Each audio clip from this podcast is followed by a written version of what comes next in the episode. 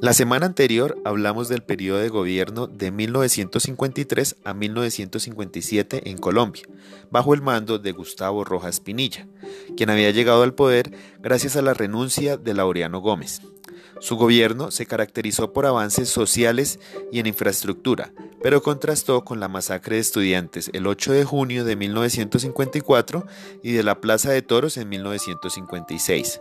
Su gobierno fue considerado como la única dictadura que ha tenido Colombia en toda su historia. Esta semana hacemos una pausa en el estudio de Colombia en la segunda mitad del siglo XX y vamos a ver qué ocurría por la misma época en Europa, donde se vivía el periodo de posguerra y una fuerte tensión entre Estados Unidos y la Unión Soviética, en lo que se conoció como la Guerra Fría. Bienvenidos.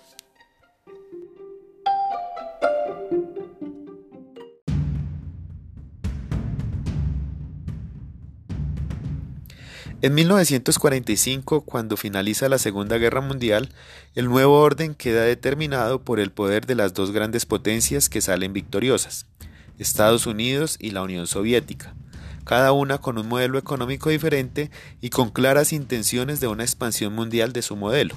Estados Unidos capitalista, la Unión Soviética socialista.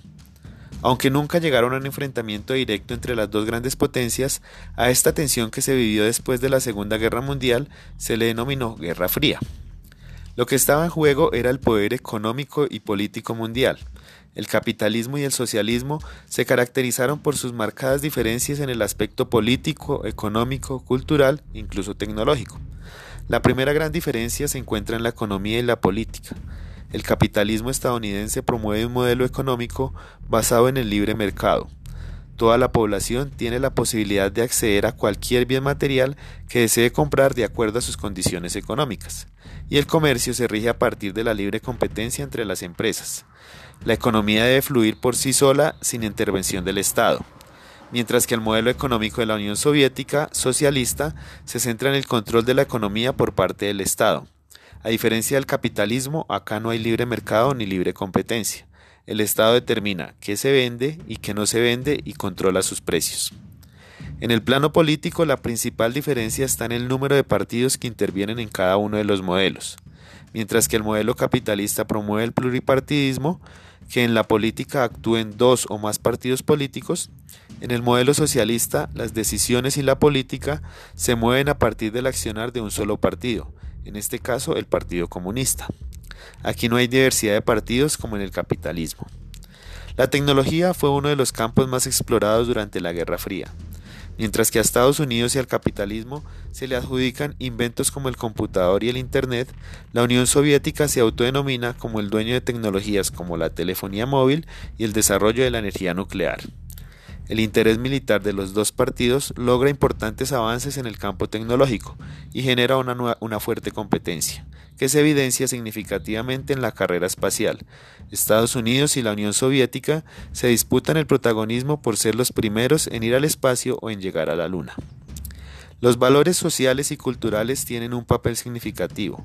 Para Estados Unidos las libertades la iniciativa individual y el emprendimiento son elementos clave en ese estilo de vida, un estilo que adicionalmente se basa en el consumo como premisa, mientras que la Unión Soviética se centra más en la solidaridad y la colaboración entre las personas como eje del funcionamiento de la sociedad.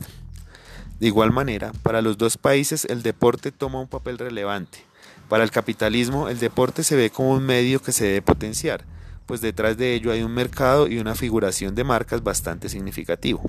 El deportista se convierte en un medio de publicidad mientras que en el socialismo se potencia el deporte como un medio para visibilizar los avances de su modelo económico y político. Finalmente, es importante mencionar que la carrera armamentista no se detuvo. A pesar de que no hubo una guerra directa entre las dos naciones, sus fuerzas militares se fortalecieron y el avance tecnológico militar estuvo a la orden del día.